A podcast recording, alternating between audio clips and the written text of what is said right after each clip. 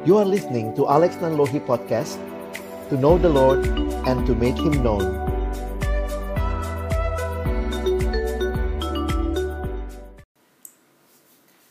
Shalom, terima kasih uh, Sir Andrew buat kesempatan kedua ini. Kita sama-sama akan melihat kembali bagian firman Tuhan dalam tema fruitful life ya. Saya rindu ketika teman-teman juga boleh kelihat hidup kita kembali, kita bisa melihat apa yang jadi kerinduan Allah bagi kita ya. Saya coba share sebentar.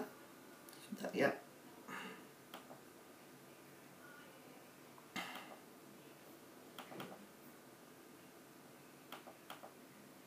Oke. Iya, kalau bicara hidup yang berbuah, saya pikir ini jadi satu hal yang perlu kita camkan dalam hidup kita ya. Jujur waktu saya persiapan ada beberapa hal baru yang kayak Tuhan singkapkan ya. Jadi waktu bicara what next in our life, bagaimana hidup ke depan, nah ada kalimat yang menarik yang kita bisa lihat di dalam Injil Yohanes saya mengajak kita melihat ayat yang pasal yang ke-15, Yohanes 15 ayat yang ke-8, ya. Dalam hal inilah Bapakku dipermuliakan, yaitu jika kamu berbuah banyak dan dengan demikian kamu adalah murid-muridku. Sekali lagi ya, coba baca ayat ini baik-baik. Dalam hal inilah Bapakku dipermuliakan, yaitu jika kamu berbuah banyak dan dengan demikian kamu adalah murid-muridku. Jujur ke Alex selama ini membaca ayat ini saya baru kembali memperhatikan dengan jelas termasuk dalam terjemahan bahasa Inggrisnya bahwa Tuhan tidak hanya mau kita berbuah loh teman-teman. Tuhan mau kita berbuah banyak ya. Lihat ini kalimat ini jadi satu hal yang kayak saya baru sadar lagi, wow, Tuhan yang memberikan segala potensi dalam diri saya, Tuhan yang memberkati saya, Tuhan yang rindu saya juga jadi berkat dengan berbuah banyak. Nah, ini camkan baik-baik. If you have a great um, plan for your future, kalau kamu punya cita-cita yang besar buat dirimu ke depan, ingatlah penciptamu punya cita-cita yang jauh lebih besar untuk dirimu. Somehow kadang-kadang kita berpikir ya, saya punya mimpi yang besar, tetapi waktu saya perhatikan ayat ini, Allah yang memanggil kita, menjadikan kita anaknya, Allah yang memberkati kita sedemikian rupa adalah Allah yang mau saudara dan saya berbuah bukan seadanya, tapi berbuah banyak dan dengan demikian kamu adalah murid-muridku. Murid ditandai dengan kehidupan yang berbuah banyak. Wah ini jadi memberi wawasan yang baru untuk saya juga menaruh cita-cita, mimpi, impian ke depan bukan seadanya, tetapi berbuah banyak bagi kemuliaan Tuhan. Dan sebenarnya kalau kita baca Injil Yohanes pasal yang ke-15, kita lihat kuncinya ya. Bagaimana supaya bisa berbuah banyak itu? Yesus sendiri menggambarkan relasinya dengan relasi yang hidup. Karena ini relasi yang digambarkan dengan sebuah gambaran pohon dan di dalam pohon itu ada pokoknya, ada rantingnya. Jadi kalau kita perhatikan Yesus berkata, kamu adalah ranting-ranting jadi kita bukan pokok anggur, Yesus pokok anggur, kamulah kitalah ranting-rantingnya. Karena itu, perhatikan kalimatnya. Kuncinya ada di sini. Akulah pokok anggur dan kamulah ranting-rantingnya. Barang siapa tinggal di dalam aku dan aku di dalam dia, ia berbuah banyak. Perhatikan. Kalimatnya saya baru baru ngeh gitu ya nggak tahu Bapak Ibu guru teman-teman sekalian ngeh juga nggak ya bacaan kita jadi bukan cuma di ayat 8 tetapi di ayat yang kelima juga dikatakan dikalau di dalam aku aku di dalam dia ia berbuah banyak sebab di luar aku kamu tidak dapat berbuat apa-apa kalau ranting itu menghasilkan buah. Ada buah yang keluar dari ranting. Maka ingat, itu bukan milik semata-mata ranting itu. Tetapi karena ranting itu tinggal tetap di dalam pokok anggur. Dan karena itu konsekuensinya Yesus bilang di sini ya, sebab di luar aku kamu tidak dapat berbuat apa-apa. Kita punya kerinduan, tetapi di sini kita lihat Tuhan sendiri punya kerinduan yang lebih besar bahkan dari mungkin yang teman-teman dan saya bayangkan. Menjadi berkat. Lagu tadi bilang hidup ini adalah kesempatan untuk menjadi berkat. Tetapi kita hanya mungkin jadi berkat kalau kita tinggal di dalam dia. Wah ini kebenaran yang harus kita camkan. Mau mencapai hal besar dalam hidupmu? Hari ini kita bicara pengutusan, teman-teman. Next step in your life, fruitful life, but be aware. Fruitful life tidak timbul dengan sendirinya. Tetapi pastikanlah, alamilah kamu hidup di dalam dia. Tinggal di dalam dia. Banyak orang berpikir sukses tanpa Tuhan. Tetapi Yesus berkata, untuk apa seorang memperoleh seluruh dunia ini tetapi kehilangan nyawanya? Have everything, but you don't have Jesus, then you have nothing. But if you have Jesus, you have everything. Nah ini kebenaran-kebenaran yang saya pikir bukan klise ya. Makin ke Alex persiapan, baca firman ini makin menyadari. Saya ingat satu waktu saya sering kali cerita kalau kita rekoleksi atau lagi retret ya dengan Dian Harapan di Makassar karena ini pengalaman yang selalu saya ingat. Satu waktu pagi-pagi saya datang ke kantor dalam pelayanan kami lalu ada satu adik di pelayanan kami yang dia uh, tinggalnya jauh dari orang tua ya. Jadi kami di Jakarta, dia uh, orang tuanya ada di daerah, jadi dia ngekos teman-teman. Dia seorang perempuan dan mungkin ya anak kosan gitu ya. Sepi juga jadi ternyata dia pelihara ikan mas. Dia beli akuarium kecil lalu dia taruh beberapa ekor ikan mas dan itulah yang menemani hari-hari dia gitu. Nah satu pagi waktu di kantor tiba-tiba dia bilang gini Kalex Kalex waktu saya baru datang kantor ya tiba-tiba dia dengan excited gitu Kalex Kalex saya bilang kenapa kak tadi malam ikan mas saya bunuh diri kaget gitu ya ikan masmu bunuh diri. Kenapa? Jadi teman-teman, ikan mas yang dia pelihara beberapa ekor itu pagi-paginya dia menemukan dua ekor dari ikan masnya itu sudah lompat keluar. Sebenarnya pagi-paginya sudah langsung ada di karpet di kamarnya dan sudah mati, ya. Jadi dia menyimpulkan karena waktu dia tidur tuh belum belum lompat begitu ya. Jadi dia bilang tadi malam ikan mas saya bunuh diri. ah kami diskusi-diskusi bercanda-bercanda ya Lalu kita bilang iya mungkin ini ikan yang ditolak e, berdua kan kayak kita bilang ini mungkin laki-laki perempuan ditolak cintanya sama orang tuanya jadi akhirnya mereka bunuh diri berdua. Tapi yang menarik dalam diskusi kami akhirnya kami menyadari satu hal. Ikan itu paling butuh apa sih? Coba teman-teman pikir-pikir ya. Ikan ini dia sebenarnya bebasnya di dalam air atau di luar air. Ya saya pikir orang bodoh juga bisa ngomong ya ikan itu bebasnya di dalam air. Mungkin saya bilang ya, tapi airnya terbatas kalau kalau bayangkan kayak gambar ini ya, aduh cuman kecil aja ini. Mungkin ikan itu terbatas di situ-situ saja. Mungkin dia lihat oh di luar lebih luas. Wah, apalagi dia ingat saya ini ikan reformasi. Wah, saya mau keluar dari air. Tapi begitu ikan itu keluar dari air, dia MPP teman-teman. Mati pelan-pelan ya ini jadi satu pengingat bagi kita. Sebagaimana Yesus berkata, "Di luar Aku, kamu tidak dapat berbuat apa-apa." Ingatlah, kehadiran Yesus dalam hidupmu bukan basa-basi. Itulah kehadiran yang memastikan engkau dan saya bisa berbuah. Kita mau pergi dan berbuah, kita pun mau berbuah banyak, kita bisa jadi berkat di banyak tempat, kita jadi berkat bagi banyak orang, tapi pastikan apakah sang pemberi berkat itu tinggal dan diam di hati kita. Dan kita pun ada di dalam dia.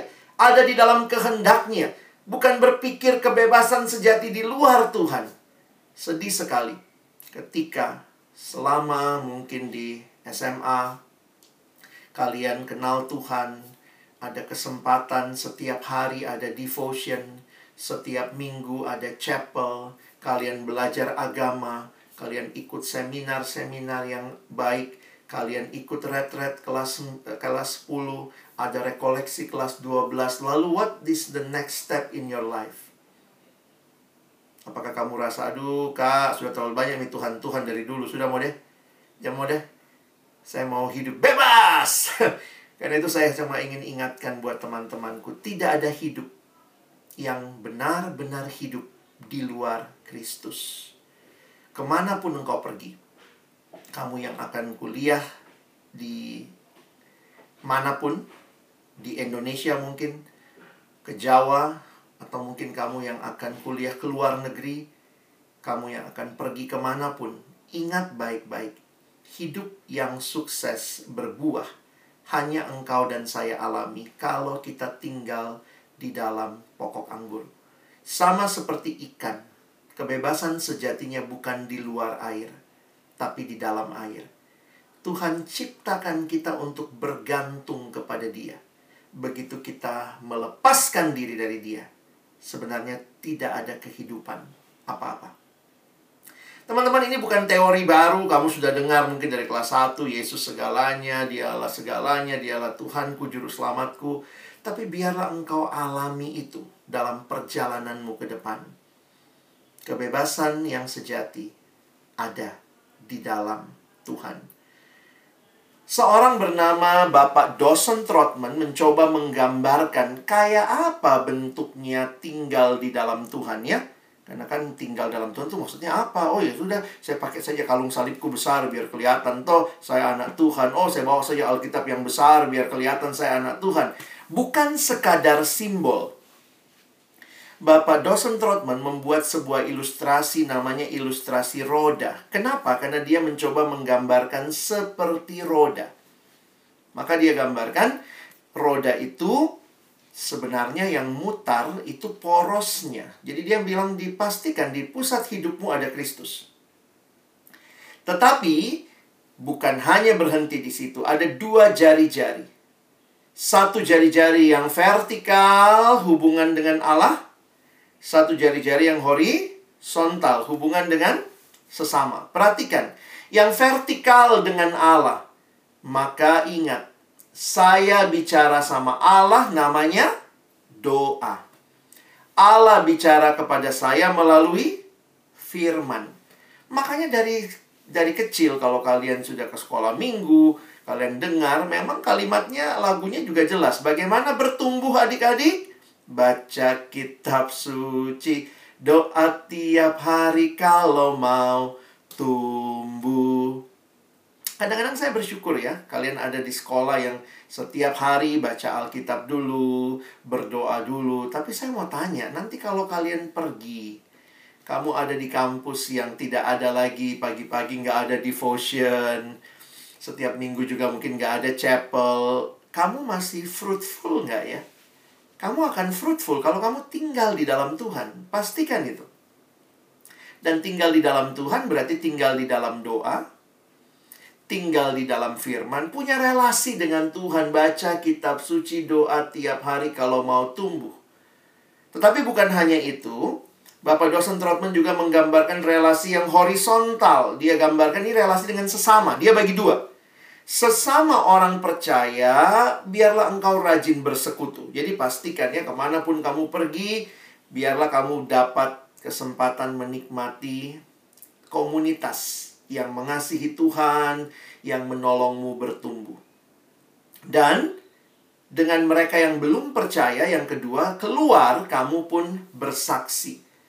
Jadi sebenarnya nggak cukup ya kalau kita lihat hanya baca firman, doa, tapi kalau kita bikin lagunya jadi baca kitab suci, doa tiap hari, rajin bersekutu, dan giat bersaksi. Jadi inilah kehidupan yang akan memastikan engkau dan saya tinggal di dalam Dia, dan kalau kita tinggal di dalam Dialah, baru kita bisa berbuah. Jangan pikir buah itu usahamu, usahaku, bukan. Kak Alex dapat banyak kesempatan indah dalam hidup ya. Kadang-kadang kalau sombong, wah rasanya puji Tuhan, saya dapat, saya masuk UI bebas tes. Lalu setelah selesai, IP saya juga nggak jelek-jelek amat lah ya, di atas tiga misalnya. Lalu kemudian waktu saya studi teologi, Tuhan kasih kesempatan studi di Inggris. Kayaknya rasanya saya anak Makassar, dari sekolah, di tempat di mana saya dididik, saya bertumbuh bisa gampang sekali jadi sombong, merasa sayalah segala-galanya. Tapi kayak Tuhan selalu ingatkan ya dalam beberapa tahap kehidupan kayak Tuhan mau ingatkan sebelum saya sekolah ke Inggris itu pergumulan yang berat. Visa saya ditolak. Dan saya harus menunggu sekitar tiga bulan lagi untuk mengapply visa baru dan tidak ada jaminan diterima waktu itu.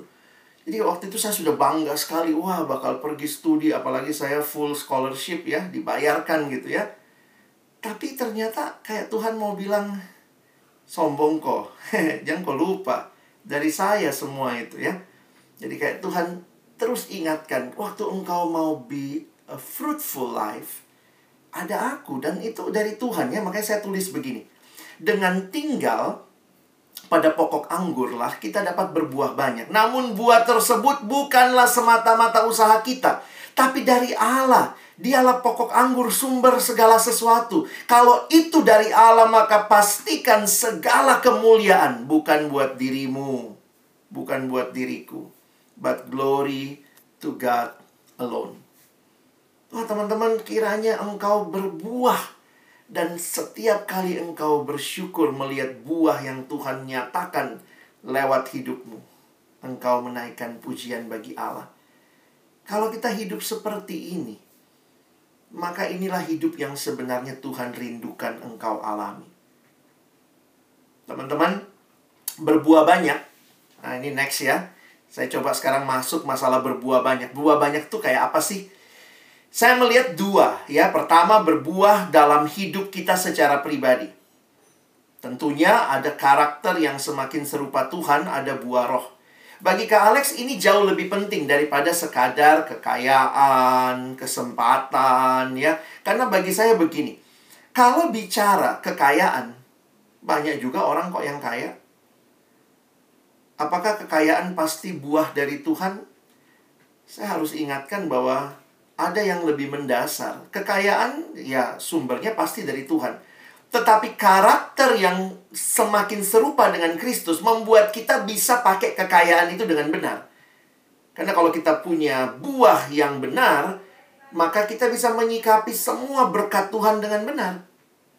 Jadi pertama-tama buah dalam hidup kita pribadi semakin bertumbuh, semakin serupa Tuhan. Nah, kita bisa lihat kayak buah roh ya kasih, kamu makin mengasihi, sukacita, kamu bisa bersukacita melampaui kondisi. Itu semua saya pikir kalian sudah pelajari selama ada di Dian Harapan ya, karakter buah roh. Itu buah yang engkau alami. Tapi yang kedua juga, nah ini yang kaitan sama compassionate hari ini ya, buah dalam hidup orang lain. Tuhan pakai engkau membawa orang lain kenal Tuhan ya. Kita rindukan seperti itu melalui hidup kita orang bisa kenal Yesus, dia bisa bertobat, hidupnya berubah. Kita bisa lihat orang juga melayani orang lain. Jadi saya pikir ini bukan sekadar buah yang di dalam diri kita, tetapi buah yang juga nyata keluar dari hidup kita bagi orang lain. Dan ada kalimat dalam Alkitab berbahasa Inggris, uh, study Bible dalam bahasa Inggris tentang Yohanes 15, dia bilang begini. God is glorified not by praise and worship alone, but by his followers also bearing much fruit for the advancement of his kingdom on earth. Jadi sebenarnya Tuhan dimuliakan. Kadang-kadang kita pikir Tuhan dimuliakan itu cuma hari Minggu. Oh, saya nyanyi praise and worship dua jam selesai pulang. Tetapi Tuhan dimuliakan ketika seluruh hidup kita hari demi hari menghasilkan buah. Di mana buah itu adalah demi kemajuan kerajaan Allah. Karena itu kita alami buah itu secara pribadi dan bahkan jadi berkat buat orang lain. Here again, fruit bearing menghasilkan buah is evidence of being true disciples, uh, true believers or being Jesus disciples. Masih ingat kalimatnya tadi? Dari mana orang tahu kita murid Tuhan? Waktu dia lihat buahnya, ya.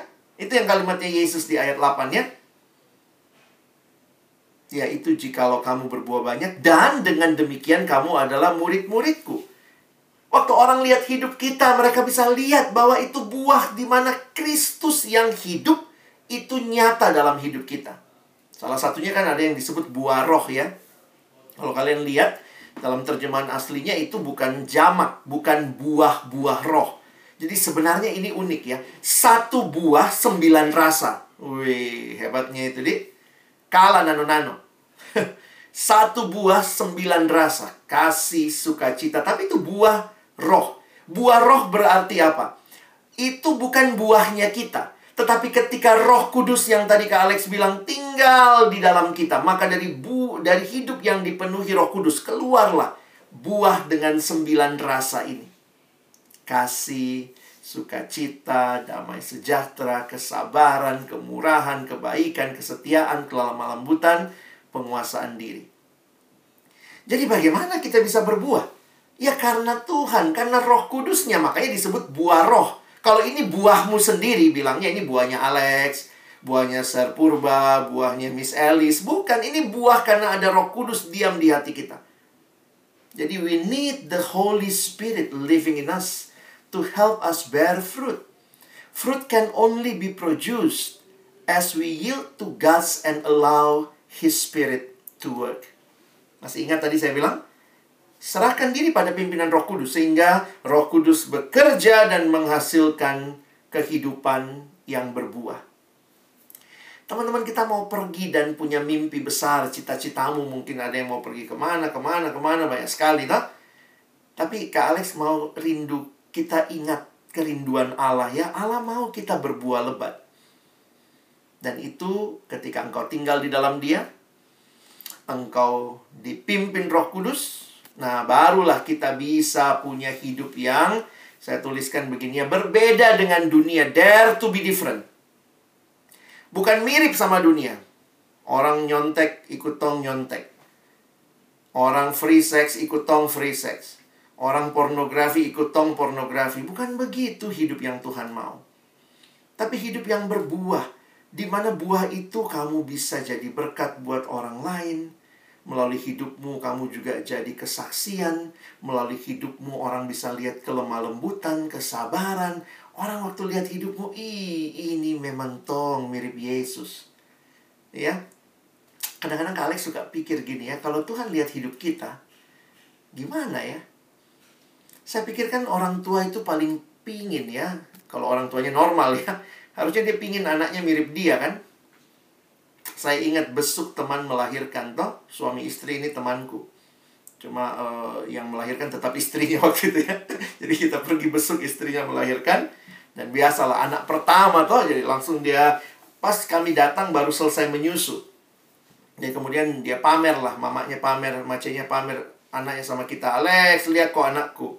Kita lihat anaknya, ih, iya anaknya namanya masih anak kecil baru lahir tutup mata begitu toh Terus kemudian dia bilang, e, kau lihat toh, hidungnya kan hidungku ya Lex. Jadi dia bilang gitu ya, dia konfirmasi. Hidungnya kan hidungku ya Lex. E, jidatnya, jidat bapaknya. Ih, tiba-tiba bapaknya dari sebelah marah. Bukan, Mak. Hidungnya hidung papa, jidatnya jidat mama. Lalu kemudian mereka berantem berdua gitu. Hidung, jidat, hidung, jidat, hidung, jidat gitu ya. Di situ waktu saya perhatikan itulah orang tua ya. Dia pingin sekali, ini anakku, mirip kan sama saya. Jadi mamanya bilang mirip saya, bapaknya bilang enggak, mirip saya. Mirip ininya, mirip itunya. Ya dalam hati saya bilangnya namanya produksi bersama ya. Pasti rada mirip sana, rada mirip sini ya. Tapi di situ Kak Alex jadi sadar, iya ya. Orang tua itu bangga sekali anaknya mirip dia. Pertanyaannya begini. Kalau orang lihat hidupmu, orang lihat hidupku, Siapa yang dia lihat ya? Apakah kita mirip Tuhan? Ada enggak yang sudah bilang sama kau, ih, Pasti kok anak Tuhan, mirip sekali kok sama Tuhan gitu ya. Atau jangankan begitu ya, tanya dulu kalau Tuhan lihat kita, Tuhan bilang, ini anakku apa bukan ya? Jangan-jangan kan kita suka nyanyi, aku anak raja, engkau anak raja, kita semua anak siapa? Kalau ndak mirip Tuhan, malu juga ngakunya ya. Atau Tuhan dari surga juga bilang, ih, anak siapa ini? Kenapa ndak mirip sama saya? Kalau kita berbuah, kalimat Yesus menarik, Bapa dipermuliakan. Karena kamu murid-muridnya, kamu mirip. Kamu keluar buahnya kasih, sukacita, damai sejahtera. Bayangkan kalau itu ada di perjalanan hidupmu. Wah, kamu berbuah lebat. Dan akhirnya kamu tidak sama dengan dunia. Sama-sama belajar, tapi beda. Yang satu belajar, sekedar belajar. Karena tidak apa-apa, jipaci-maciku kaya, belajar saja. Yang penting dapat ijazah. Ada orang belajar karena sekadar belajar, tidak punya cita-cita apa-apa. Ada yang belajar karena dia tahu. Tuhan kasih kesempatan. Tidak semua orang bisa belajar di perguruan tinggi. Kalau saya dapat kesempatan itu, Tuhan, cara belajar saya harus berbeda. Saya berbuah dalam pelajaran saya. Saya punya kerinduan. Jadi berkat. Ilmu yang saya dapat, saya mau pakai itu. Bukan supaya saya kaya, Bukan cuma itu, saya mau juga melalui apa yang saya pelajari, saya jadi berkat buat sesama. Cara bergaulmu juga berbeda. Saya tidak mau bergaul dengan mempermalukan Tuhan. Buahnya nyata, saya mau bergaul yang mempermuliakan Tuhan. Kalau kau sudah pacaran juga, punya pacar, belajar jaga kekudusan. True love waits, ya. Ada kalimat kecil di bawahnya, bisa kau lihat itu? Save it until marriage. Jelas berbeda. Buah itu adalah buah yang dinyatakan di dalam keseluruhan hidup mempengaruhi cara belajarmu, cara pandangmu terhadap dunia, cara pacaranmu, cara bergaulmu dan ingat tidak kebetulan Tuhan taruh kita di Indonesia. Teman-teman dan saya kita diutus oleh Tuhan ke mana? Tuhan tidak utus kita pergi ke surga ya. Tuhan masih izinkan kita ada di bumi. Di bumi mana? Kita ada di Indonesia. Buat kalian ada di kota Makassar, nanti mungkin kalian pergi ke kota lain, kalian ada di dunia milik Allah. Tapi juga Tuhan tentunya tidak kebetulan menempatkan engkau di Indonesia. Apa yang Tuhan mau melalui kehadiran anak-anaknya? Berbuah lebat sehingga banyak orang di bangsa ini boleh mengalami pemulihan karena kenal dan lihat anak-anak Tuhan hidup seturut kehendak Tuhan.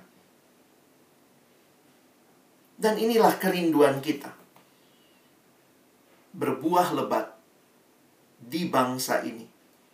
Di dalam setiap kesempatan yang Tuhan kasih. Hidup ini kesempatan. Kesempatan untuk melayani Tuhan. Kesempatan untuk berbuat banyak kepada sesama. Karena itu ingat ya, terus bangun karakter murid yang serupa dengan Tuhan. Dan kembali ke Alex ingatkan, akhir cerita dari semua ini Wih, berbuah lebat, luar biasa. Siapa yang dimuliakan? Yesus cuma ingatkan. Dalam hal inilah Bapakku dipermuliakan. Buahnya nyata lewat hidup kita. Tapi sumbernya bukan kita. Ada bagian kita, ada. Tetapi Tuhan selalu ingatkan, itu semua dariku. Karena itu segala kemuliaan bagi Tuhan. Teman-teman, engkau dan saya diutus untuk pergi dan hidup berbuah. Tinggallah di dalam Tuhan, dan akhirnya engkau berbuah lebat, dan dengan demikian Allah sumber segala berkat, Dia yang akan dimuliakan melalui hidupmu. Tuhan menolong kita mewujudkan firman-Nya di dalam langkah-langkah kita di mana pun kalian nanti Tuhan bawa, ingatlah, tinggal tetap di dalam dia, supaya kamu berbuah lebat. Amin. Ya, silakan Brilian yang pertama, kemudian akan dilanjutkan oleh wakil mantan wakil ketua OSIS yaitu Edin akan menyampaikan hal yang sama. Ya, kan uh, Brilian untuk mengaktifkan kamera dan uh, men-sharingkan. Terima kasih. Halo Sir. Jadi yang saya dapat itu pokoknya intinya itu dalam segala hal yang saya kerjakan, segala hal yang saya lakukan, sekarang atau di masa depan nanti itu harus memuliakan nama Tuhan. Jadi orang yang lihat bakal menerima berkat dari hal apa pun yang saya kerjakan. Baik, puji Tuhan. Mari kita berikan apresiasi untuk Brilian Kontaranya. Iya, ini Kalex mantan ketua OSIS periode sebelumnya. Oke, okay. terima kasih Bril, Tuhan memberkati. Selanjutnya Eileen, mantan wakil ketua OSIS periode sebelumnya. Silakan Eileen. Uh, ya. Saya belajar kalau uh, dari sesi ini. Eileen bisa aktifkan kamera? Kenapa, sir? aktifkan kamera. Bisa. Oke, okay. thank you. Jadi dari sesi ini saya banyak belajar kalau uh, misalnya kita itu sendiri punya banyak potensi untuk bisa berbuah. Jadi kita harus pakai masing-masing untuk dengan baik kesempatan dalam hidup ini untuk berbuah banyak. Terima kasih. Baik. Kita berikan apresiasi sekali lagi untuk Eli. Tuhan memberkati Eli.